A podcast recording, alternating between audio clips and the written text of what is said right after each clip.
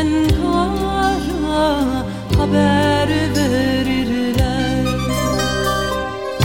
Demirden düşey taştan sedirler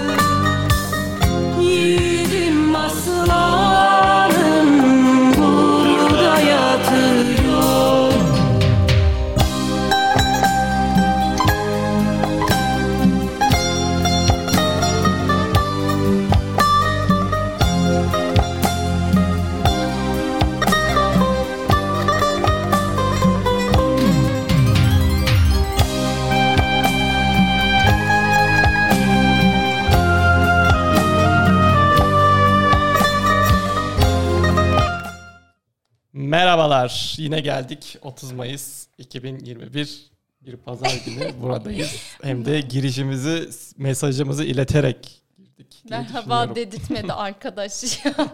Merhabalar. Merhabalar, hoş geldiniz sayın dinleyenler. Sen de hoş Evet. geldin canım Ebru. Hoş bulduk canım Onur. Onur romantiksin. Hayırdır? evimizde yan odaya geçtik. Ben buraya Orada hoş geldim. Yayın yapıyoruz, hoş geldin. Kahve için teşekkürler öncelikle. Parasını ödemedi de biliyorum. Evde bazen ayrı takılıyoruz. Evlilikte ayrı takılmak iyi midir Onur? Şiir, Onur şiir. kaldı. Diyor ki bana şiire geç. Şimdi giriş müziğimizden de eğer önceki podcast, podcastlerimizi dinlediyseniz e, bugün kimden bahsedeceğimizi anlarsınız. Ya O yüzden söylemiyorum. onun öncesinde bana dediler ki bu şahsi meseleler ne ara böyle sanata sanatçıya evrildi.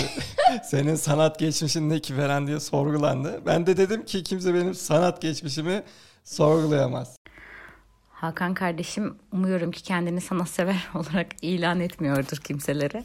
Eee, çünkü tamamıyla modern sanatla tanıştığı ve bence yolların ayrıldığı, eee, karşılıklı olarak ayrılmasına karar verildikleri bir günü yaşamıştık. Bundan birkaç sene önce bir arkadaşım e, Hakan ve ben birlikte bir Pera'ya gittik. E, Hakan'ın modern sanatla tanıştığı gün son günü oldu. modern sanatla ilişkisinin bittiği gün oldu. E, güzel eserler var. Onları anlamlandırmaya çalışıyoruz. Biz de çok üstat olmadığımız için tabii ki. Ama biz böyle dolaşırken bir baktık. Bir süre sonra tabii ki bir birkaç saat geçirdik orada. Hakan yok etrafımızda. Hakan nerede? Hakan arıyoruz. Ee, Hakan'cığım odalardan birinde e, boş bir taburenin önünde eli çenesinde güzel güzel sanat yorumlayan dışarıdan baksanız hmm diyebileceğiniz bir karakter olarak e, sandalyeye tabureye bakıyor. Hakan dedik gittik yanına e, ne yapıyorsun sen burada? Dedi ki işte e, günümüzdeki bu koştur günümüzde yaşanan bu koşturmacada sanıyorum ki böyle bir şeyler söyledi işte yukarıdan konuşuyor gene her zamanki gibi. Ee, günümüzün hayat koşturmacasının altında yatan ve dinlenme ihtiyacımızı gösteren bir e, eser yapmışlar. İşte burada tabure var ki e, dinlenmemiz gerektiğini bize anlatsınlar diye. Ama halbuki oradaki tabure gerçekten de biz insanların dinlenebilmesi adına konulmuş bir tabureydi. Benim Yiğidom, İTÜ'lü mühendis arkadaşım, canımın içi. Boş tabureyi bir modern sanat eseri zannederek eee, bir yarım saat kadar onu anlamlandırmaya çalışmış kendince bir şeyler üretmiş canımın içi. Gördün mü sorguladılar. Ve ha- hak etmişsin sorgulanmayı. Yani anladığım kadarıyla. Onur Toş. Neyse. Senden de bir kültürlü birisinden yapacağımı umuyorum. Bu üzücü geçmişimden dolayı Özür dilerim. dinleyenler de özür diliyorum. Van Gogh falan anlatıyordun Onur ne oldu? Haftaya Salvador Dali'leyiz. Ama sen Van Gogh'ta da demiştin Sinem'le bir anım var resim üzerine diye. üzücü anılar. Neyse giriş müziğimiz eee bir Giriş müziğimizi söylemeyelim. Niye? Çünkü sürpriz bunu olsun? daha önce işledik. Dinlemeyen varsa oradan dinlesin. O zaman dinlemeyenler Bedri Rahmi Epol olan Evet. podcast'i dinlesin ve eee, ne için nasıl yazıldığını o zaman kimin yazdığını öğrenirler. Biz Hayla söylemiyoruz. Hadi bakalım. yok falan diye ağlanıyorsanız da sonunu dinleyin. Sonunda var. Hadi bu da bizden şey olsun size. Tamam. Ee, o zaman geçelim artık Nazlı Hikmet'e. Ben çok sabırsızım çünkü biliyorsunuz, biliyor musunuz bilmiyorum önceki podcastleri dinliyorsanız ben sürekli onları Nazlı Hikmet anlatalım, Nazlı Hikmet anlatalım. Çünkü e, çok belli çerçevelerde bilindiğini düşünüyorum. Kendim de öyleydim ama içine girince çok fazla kaynaktan okuyup öğrenince çok farklı durumlar olduğunu öğreniyorsun ve anlatmak istiyorsun. Yani anlatmak istiyorum Onur.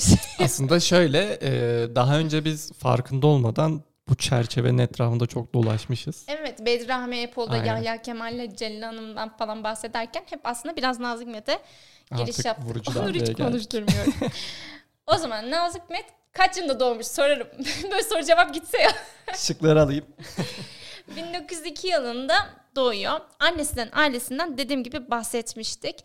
Ee, iyi bir aileden geldiğini oradan çıkarabiliriz. Ama ben birazcık dedesinden bahsetmek istiyorum. Dedesi Mehmet Nazım Paşa Polonyalı bir aristokrat. Ee, hep bu muhabbette dönüyor ya Nazım Hikmet Müslüman değil, Müslüman değildi. Osmanlı yani hangimiz ne kadar o sırada Müslümanız. Ben o sırada yokum. Neyse. Ee, Osmanlı'ya yerleşiyor, Müslüman oluyor. Ee, hatta Türkçe bir gramer kitabı bile yayınlıyor. Dedesinden bahsetme sebebimiz de aslında birazcık daha farklı. Ee, dedesi Nazım'ın en önemli yapı taşı diyebiliriz. Çünkü Nazım'ı şiire başlatan adam. Ee, Nazım çocukken bu şiir gecelerine dedesiyle birlikte katılıyor ve Nazım ilk şiirini 11 yaşında yazıyor. Evet, sonrasında da tabii şi- şiir geçmişinde Yahya Kemal'in büyük etkisi oluyor. Dedesi ve Yahya Kemal diyebiliriz. Bu arada söylemeden geçemeyeceğim. Sesin böyle bir şairane çıkıyor farkında mısın? Benim mi? Bize bir şiir mi Tabii patlatacaksın? tabii. Sen arka fonu ver o. Gerçekten fon olunca çoğu insan çok güzel şiir okuyor bu arada. Hemen bir moda giriliyor çünkü. Evet. ya. Fon versene ben okuyam. Onu verelim sonunda. Thank you. Tamam. Evet. Dedesinden bahsetme sebebimizi belirttik. Bir de Nazım'ın ikinci bir yol ayrımı var. O da kimdi? Yaşar Kemal. Ee, Yahya Kemal aşkım. Bunda benim ne suçum? Biliyorsunuz Nazım Bey sürekli roman yazıyor. işçi yan. evet Nazım'ın ikinci bir e, yol ayrımı var. Bu da kim? Yahya Kemal. Evet ondan da bilgi almak istiyorsanız önceki podcast'imizi Hayır. Nasıl sürekli oraya atıyorsun? Çok dinlenme olsun diye. Ee, hayır. e, Bahriye'den hocası ve biliyorsunuz hani bi- bilmeyenler için de o podcast'te çok bahsettik. Annesine ilgi duyuyor Yahya Kemal. Evet. Ee, Nazım için önemli olma sebebi de Nazım'ın ilk şiirinin yayınlanışının e, sebebi diyebiliriz Yahya Kemal. Evet ilk şiirini dergide yayınlıyor ama ben Yahya Kemal hakkında burada çok güzel düşünmüyorum. Zaten Celil Hanım'ı terk etmesinden ona biraz kızgınım. yani o sırada Yahya Kemal Nazım Hikmet'e dersler vermek için evlerine gidiyor. Ben de şöyle düşünüyorum. O sırada daha Celil Hanım evli olduğu için hani başka bir sebeple giremeyeceği için biraz da yakınlaşmak için e, Nazım'a eğitim veriyor ayağına yani. Yani Ayak kötü oldu, özür dilerim. İleride yani e, Nazım'ın ilerleyen yaşlarında Nazım'ın da kafasında oluşan soru işareti acaba şiirim, şairliğim iyi olduğu için mi yayınlandı yoksa anneme küçük küçük yüründüğü için mi diye düşünüyor. Ve yüründü demedi, ayak da demedi. Onlar bizim terbiyesizliğimiz. Bu benim naifliğim. Sen ne düşünüyorsun? Ben, benim gibi mi? Ben bilmiyorum. Ya tanımıyorum o o ortam Ay, o, bilmiyorum. şey herkes yapmıyorum. tanıyor. Hakkında konuşan herkes tanıyor musun? Aa bilmiyorum. Onur Niye kimse hakkında alayım? konuşmuyor gerçi. dedikodu yapacağım yaptırmıyor Aynen. asla. Düşünün bir şair hakkında bile dedikodu yapamıyor. Sonra Nazım'ın tabii ki Bahriye'den Bahriye'ye hocası. giriş sebebinden bahsedelim biraz. Aynen Bahriye'ye giriş sebebi demeyelim de Bahriye'den hocası. Bahriye'den hocası Yahya Kemal. Tamam hani Dolayısıyla. neden Bahriye'ye geçiyor Nazım Hikmet? Çünkü o sırada Osmanlı yıkılma işinde olduğu için e, duyarsız kalmak istemiyor. Bahriye o yüzden ya- yazılıyormuş. Kaynaklarda öyle belirtiyor. Bahriye'den de atıldığı söyleniyor ya atılmadı. E, şöyle atılmadı yani. O sırada e, Atatürk'ten işte haberler geliyor İstanbul'a işte direnişten vesaire. Onlar da kendilerini biraz daha tepkisiz görüyorlar ve bu durumdan rahatsız oluyorlar Bahriye'deki ne kadar gençti? Şöyle 10-15 15 kadar kişiler değil mi? e, evet. İstanbul e, yabancı dış mihraklar tarafından ele geçirilmiş. Osmanlı'nın bütün silahları zapt edilmiş ve Bahriye'de diyorlar ki bekleyin. Yani gemiye çıkmışlar bunlar açıkta bekliyorlar. Öyle bir hayat geçiyor ve Ankara'dan oluyorlar? Ankara'dan gelen haberlerle de bunların elinden hiçbir şey gelmemesi e, büyük rahatsızlığa neden oluyor bu 15 Bahriye öğrencisi arasında. Daha sonra diyorlar ki siz gidin bir alışveriş yapın gelin ve akşama da döndüklerinde alınmıyorlar. E, sağlık Evet, sebebiyle atıldınız diyorlar. atıldınız deniyor. Ve Rahatsızlıklarını dile getiriyorlar çünkü. İstanbul'da da biraz daha şey olduğu için e, Aynen gemide rahat durmuyorlar. Yani çatal bıçak eylemi yapıyorlar. Ses Aynen, aynen. getirecek O yüzden bir anda almıyorlar gemiye. Yani Nazım Hikmet kaçmıyor. O kaçaklık mevzusu başka. Onu sonra koş. Ve Nazım'ın hayatında bir diğer e, yol açılıyor. Arkadaşı, şair arkadaşı ve Bahriye'den arkadaşı Vanu ile birlikte e, bir İstanbul'dan çıkış hikayesi. İlk hedef Zonguldak, daha sonra karayoluyla Ankara. Zonguldak'a geçerken bunu Suna yakın çok güzel anlatıyor. Onun kadar anlatamayacağım. E, bir dene bakalım. Aynen yok. Ee, sadece şey diyeyim bir küçük taka tarzı şeyle e, küçük tekne ile Zonguldak'a açılıyorlar. Boğaz'dan bir geçişleri var. e, yumurta sepetleri içinde kaçak oldukları için. Evet orada hatta Faruk Nafız falan da varmış. Aynen. Yani İstanbul'da birçok böyle bir şeyler yapmak isteyen okur yazarlar. Onlar da Atatürk'e direnişe katılmak istiyorlar ve e, Anadolu'ya Zonguldak geçme üzerinden. Ankara'ya geçme çabaları var. E, limanda da çok güzel karşılanıyorlar değil mi? Evet. Şairler geliyor destek için vesaire ama Ankara'ya geçtiklerinde büyük bir hüsran çünkü bu kadar kötü beklemediklerini söylüyorlar bazı kaynakta. O çaresizlik, savaş hali e, onları biraz yıkıyor. Yıpratıyor. Aynen, Aynen. yıpratıyor. Ankara'da tam bir yokluğun içinde direkt bir yüz yüze geliş ve hayatın gerçeklerini anlama anı. Ama Ankara'dan cepheye yollamıyorlar bu iki şairi. Diyorlar ki siz okumuşsunuz, siz aydınsınız. Bize geri planda, arka planda daha çok ihtiyacımız var sizlere diyorlar. Evet Mustafa Kemal şöyle dedi diye geçiyor. Bazı genç şairler modern olsun diye mevzu şiir yazmak yoluna sapıyorlar. Size tavsiyem gayeli şiirler yazın. Ee, bu yönde yardımcı olabilirsiniz diyor. Ve onlar da bu şiiri yazıyorlar. Aynen bir şiir yazılıyor. O Azıcık da okuyayım. tabii. Gel ey imanlı gençlik, gel ey beklenen gençlik. Gel ki Anadolu'da senin bükülmez çelik, imanına, azmine ümit bağlayanlar var. O satılmış vezire, o satılmış kullara, o satılmış hünkâra siz de mi katıldınız, siz de mi katıldınız? Ve bu tamamen aynı şekilde yayınlanmıyor. O Yemiyor. zaman da küçük tatlı korkular. Muhittin Bey var o zaman da e, ona veriyorlar şiirini. Muhittin Bey de birazcık korkmuş galiba. Biraz kırpıyor, biçiyor. ama- Hünkâr veziri falan çıkarıyor. Hani kime satıldınız oraya siz bulun. Aynen. Ee, yani küçük değişikliklerle bu şiir yayınlanıyor. Daha sonra Vani ve e, Nazım'a görevler veriliyor. Nazım Bolu'ya gidiyor. Bolu hayatı başlıyor. Bu görev ne? Öğretmenlik. Aynen. Oradaki e, köylü köylüye, e, oradaki o kesime, o halka e, eğitim vermek. E, bu köylü kesimiyle bir öğretmenlik içine giriyor ama Nazım daha sonraki hayatında bundan şöyle bahsediyor. Diyor ki başarısız olduk. Belki o dönemin, o halkın o kendi geldiği e, geçmişinden Evet yetişme tarzları değil mi? Çok Evet. farklı. Ama mesela Bolu Ağır Ceza Reisi e, Ziya Hilmi Bey onlar için şöyle söylüyor. E, fikirleri ve entelektüel altyapılarıyla çölde açan çiçek gibiydiler diyor onlar için. hani sen buraya Ama ait çok değilsin demiş. entelektüel kalmışlar yani. Sonra akıllarına bir fikir gelmiş. Daha doğrusu kulaklarına gelmiştir. İşte Sovyet, Bolşevik, işte komünizm, işçi haklar. Halkın, halkın üstünlüğü e, Bolu'da ve savaşın da artık e, geri planda kalmasıyla Kurtuluş Savaşı'nın sona ermesiyle Şöyle diyorlar. Dün erkendi, yarın geç, zaman tam da bugün. diyorlar ve solu Sovyetler de alıyorlar. aynen. Ve Sovyetler hayatı, Sovyetlerle ilk buluşma, orada e, katıldıkları programlar, içine girdikleri eğitim oranın havasını koklama hali çok da uzun sürmüyor. Bir yıl, bir buçuk yıl kadar. Daha sonra Vani diyor ki dönelim kardeşim. Vatan hasreti.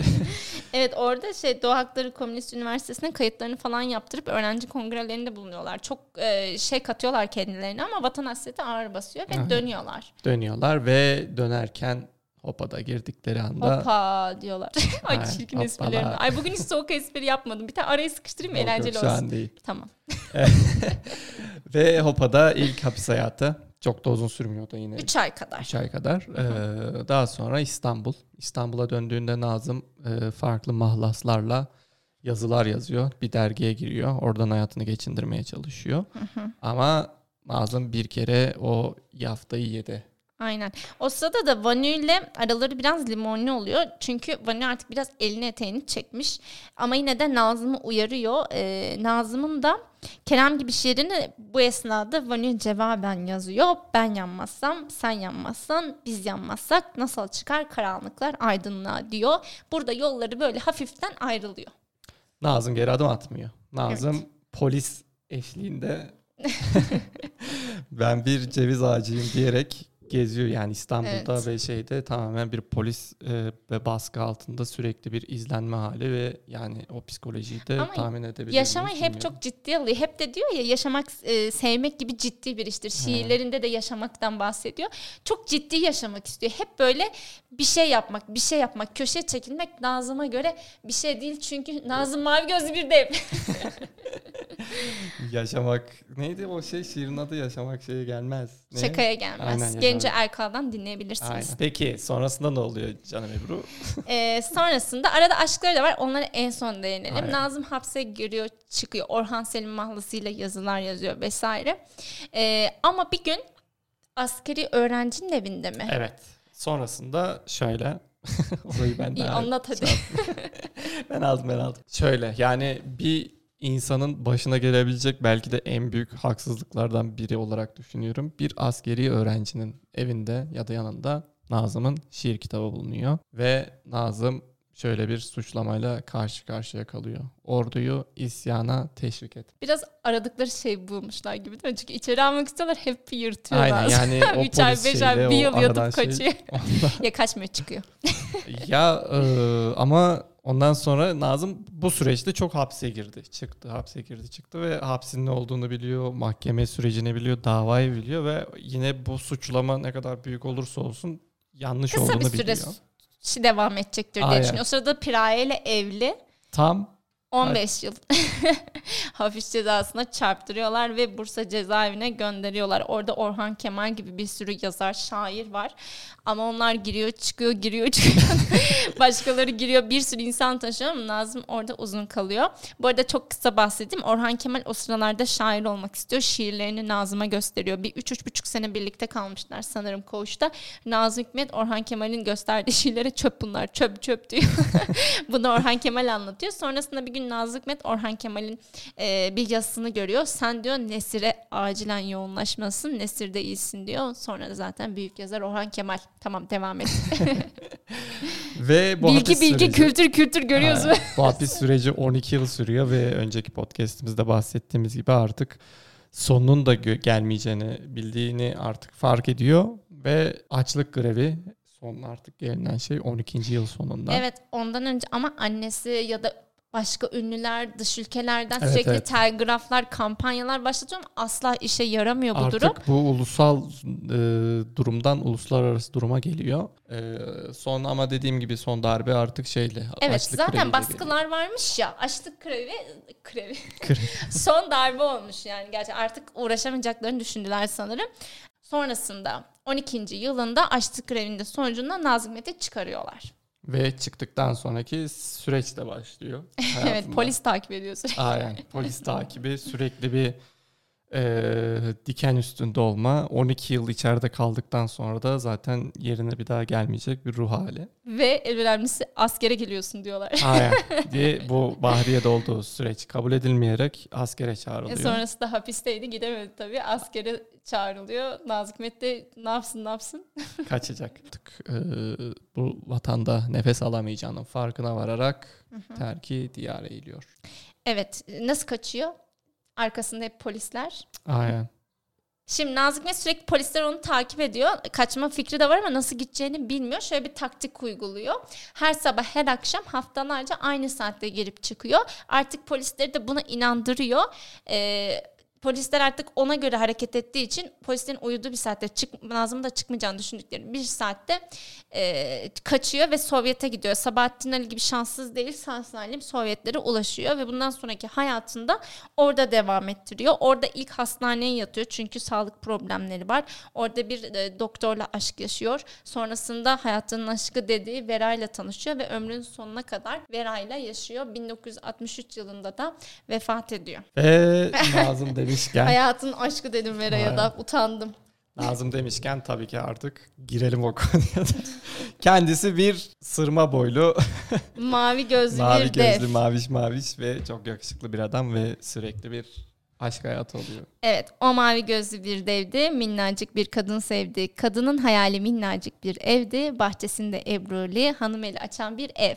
Neden e, şiir zaten çok uzun biraz bahsettim. Neden bu şiirin hep Piraye'ye yazıldığı sanıyorlar ama Piraye minnacık değil upuzun. Nazım hayatında o kadar çok ki kısalı uzunlu. Aynen. Eski karısına, ilk karısına o da çok bilinmez Nusret Hanım. Ben Evet. biraz bahsedeyim. Nusret Hanım evleniyor, boşanıyor, ülkeye geliyor, başka sevgilisi oluyor. Ondan ayrılıyor, sonra Piraye ile tanışıyor. Ama Piraye ile en uzun galiba. En uzun diye E, hatırlıyorum. hapiste. Ve e, Piraye ile olan evliliğin ilk iki yılı dışarıda ve iki yılın sonunda gelen suçlamayla beraber Bursa hapishanesinde devam eden bir aşk hayatı. Ta ki son iki yıla kadar. Evet. Piraye Hanım e, Ama iki yıla gelmeden biraz ne kadar Piraye'yi destekleyelim azıcık. Şöyle Hep Piraye Hanım para çalışmıyor. çekmiş, evet, çalışmıyor sonuçta. Aynen en son çalışmaya başlıyor. Kendi bir şeyler üretmeye başlıyor. Öyle geçinmeye çalışıyor. Nazım hep bekliyor. İlk iki yıl evliliğinin ilk iki yılında beraberler. Nazım o ara yazılarla geçinmeye çalışıyorlar. Ve Nazım içeri girdikten sonra Nazım Hikmet hapishanede küçük işler yaparak para kazanmıyor. Ee, Piraye Hanım elde yok, kavuçta yok. Sürekli bir bekleme hali. Ve e, böyle geçen bir hayat ve sürekli İstanbul'dan Bursa'ya gidiş gelişte harcanan paralar. e, Çok, zorluk zor çekiyor yani. Onu da bilelim Aynen. yani. Nazım açısından bakın birazcık Piraye açısından bakalım. Ama tabii ki de en güzel tarafı bu dönemde yazılıyor. Büyük mektuplar, Aynen aşklar, o en büyük aşklar şiirler. aslında burada yaşanıyor diyebiliriz. Yani belki Nazım için küçüktür ya da büyüktür bilmiyorum. Çünkü Büyüktür. çok Bak şöyle yazmış bir mektubunda.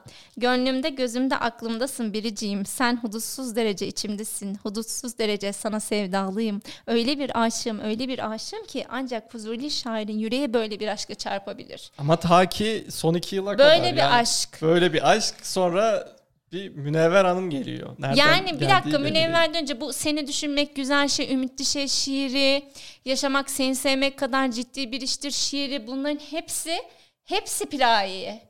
Yani bilindik şiirleri ya böyle bir aşk yani çok Ama uzun bu biraz süreç. şey yani e, ilham kaynağı gibi düşünüyorum ben ya. Ya şu kadınlar ilham kaynağı. Ama şu an gerçekten öyle değil mi? Şair Ya olmadığım bana- için veya şey yani bu edebiyatın içinde olmadığım için bilmiyorum ama belki de Nazım o hani daha önceden de bildiğimiz Nazım aşkı seviyor. Tamam da e, karşıda da bir insan. Evet öyle diyorlar yani hep aşka aşık. Kadına değil aşka aşık. Ya ama karşıdaki de bir insan değil mi abicim? Hak var, var. Yazık değil mi Piraye'ye? Kirayın hakkına niye giriyorsun o zaman? ama böyle bir e, hayat. Yani gerçekten yazılanlar okuduğunda diyorsun ki wow yani ama Münevver Hanım'la bozuluyor. Diyor ki Evet Münevver amcasının kızı mı dayısının kızı mı ne? Hiç akrabası. sevmem Münevver'i de evli. Gelmiş bir gün ziyareti olur. De, bir bakmış mavi gözlü dev. ha, orada aşık oluyorlar birbirlerine. Aşık oluyor. E, diyor ki ben diyor kocamla zaten çok sorunluyum diyor. Ayrılacağım diyor. Nazım da ona aşık oluyor. Nazım'ın da o sıralarda Piraye'nin uzun süre gelmediğini söylemiş. Ama Piraye'nin geçim sıkıntısı. Kirayada para yok. Nasıl gelsin yani? Nasıl gelsin yani? Bence de aynen. Sonra ne yapıyor biliyor musun Nazım? Biliyorum. Biliyorsun. Gidiyor. Üzülüyorum biliyorum. Piraye mektup yazıyor ya. Mektup Diyor ki yazıyorsun. ben artık işte ayrılmak istiyorum ve Piraye şok. Yani ne olduğunu bilmiyor, gidemiyor, para yok. Beklemiş kaç yıl.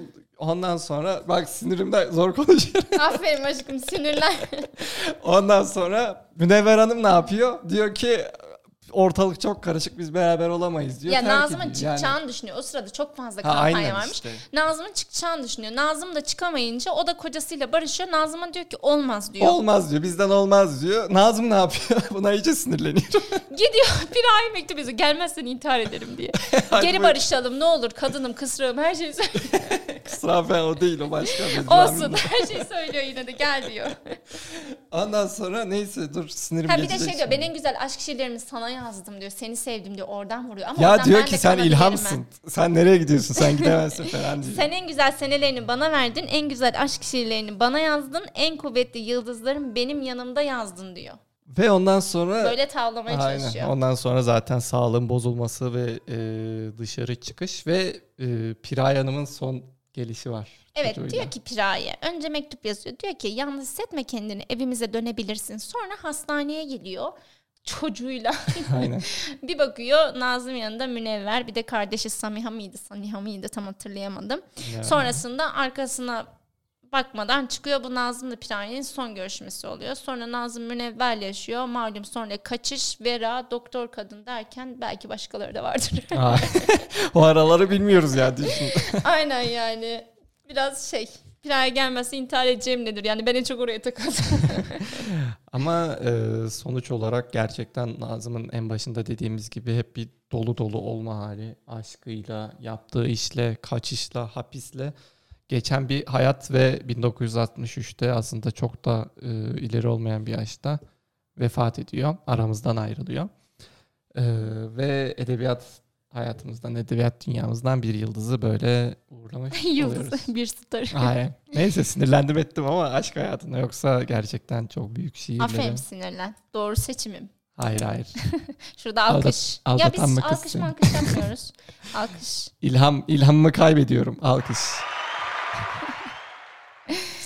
Neyse biz çok fazla detay vermedik. Çünkü Nazlı Hikmet'i herkes tanıyor. Biz bilinmeyenleri anlatmak istedik daha çok. Ee, bu podcast'i dinlediğinizde de Genco Erkol'dan olur, kendi sesinden olur. Siz okumak istersiniz. Şiirlerini şöyle bir dalın kendinizi iyi hissedeceksinizdir. Dalın dediğim için özür dilerim. Şakaya gelmez. Aynen. e, ben azıcık yaşamak şakaya gelmezden bahsedip bitirelim. O zaman ben diyeyim ki bir sonraki hafta yeni bölümümüzde görüşmek üzere. Sen son kapanış yap. Yaşamak şakaya gelmez. Büyük bir ciddiyetle yaşayacaksın. Bir sincap gibi mesela. Yani yaşamanın dışında ve ötesinde hiçbir şey beklemeden. Yani bütün işin gücün yaşamak olacak.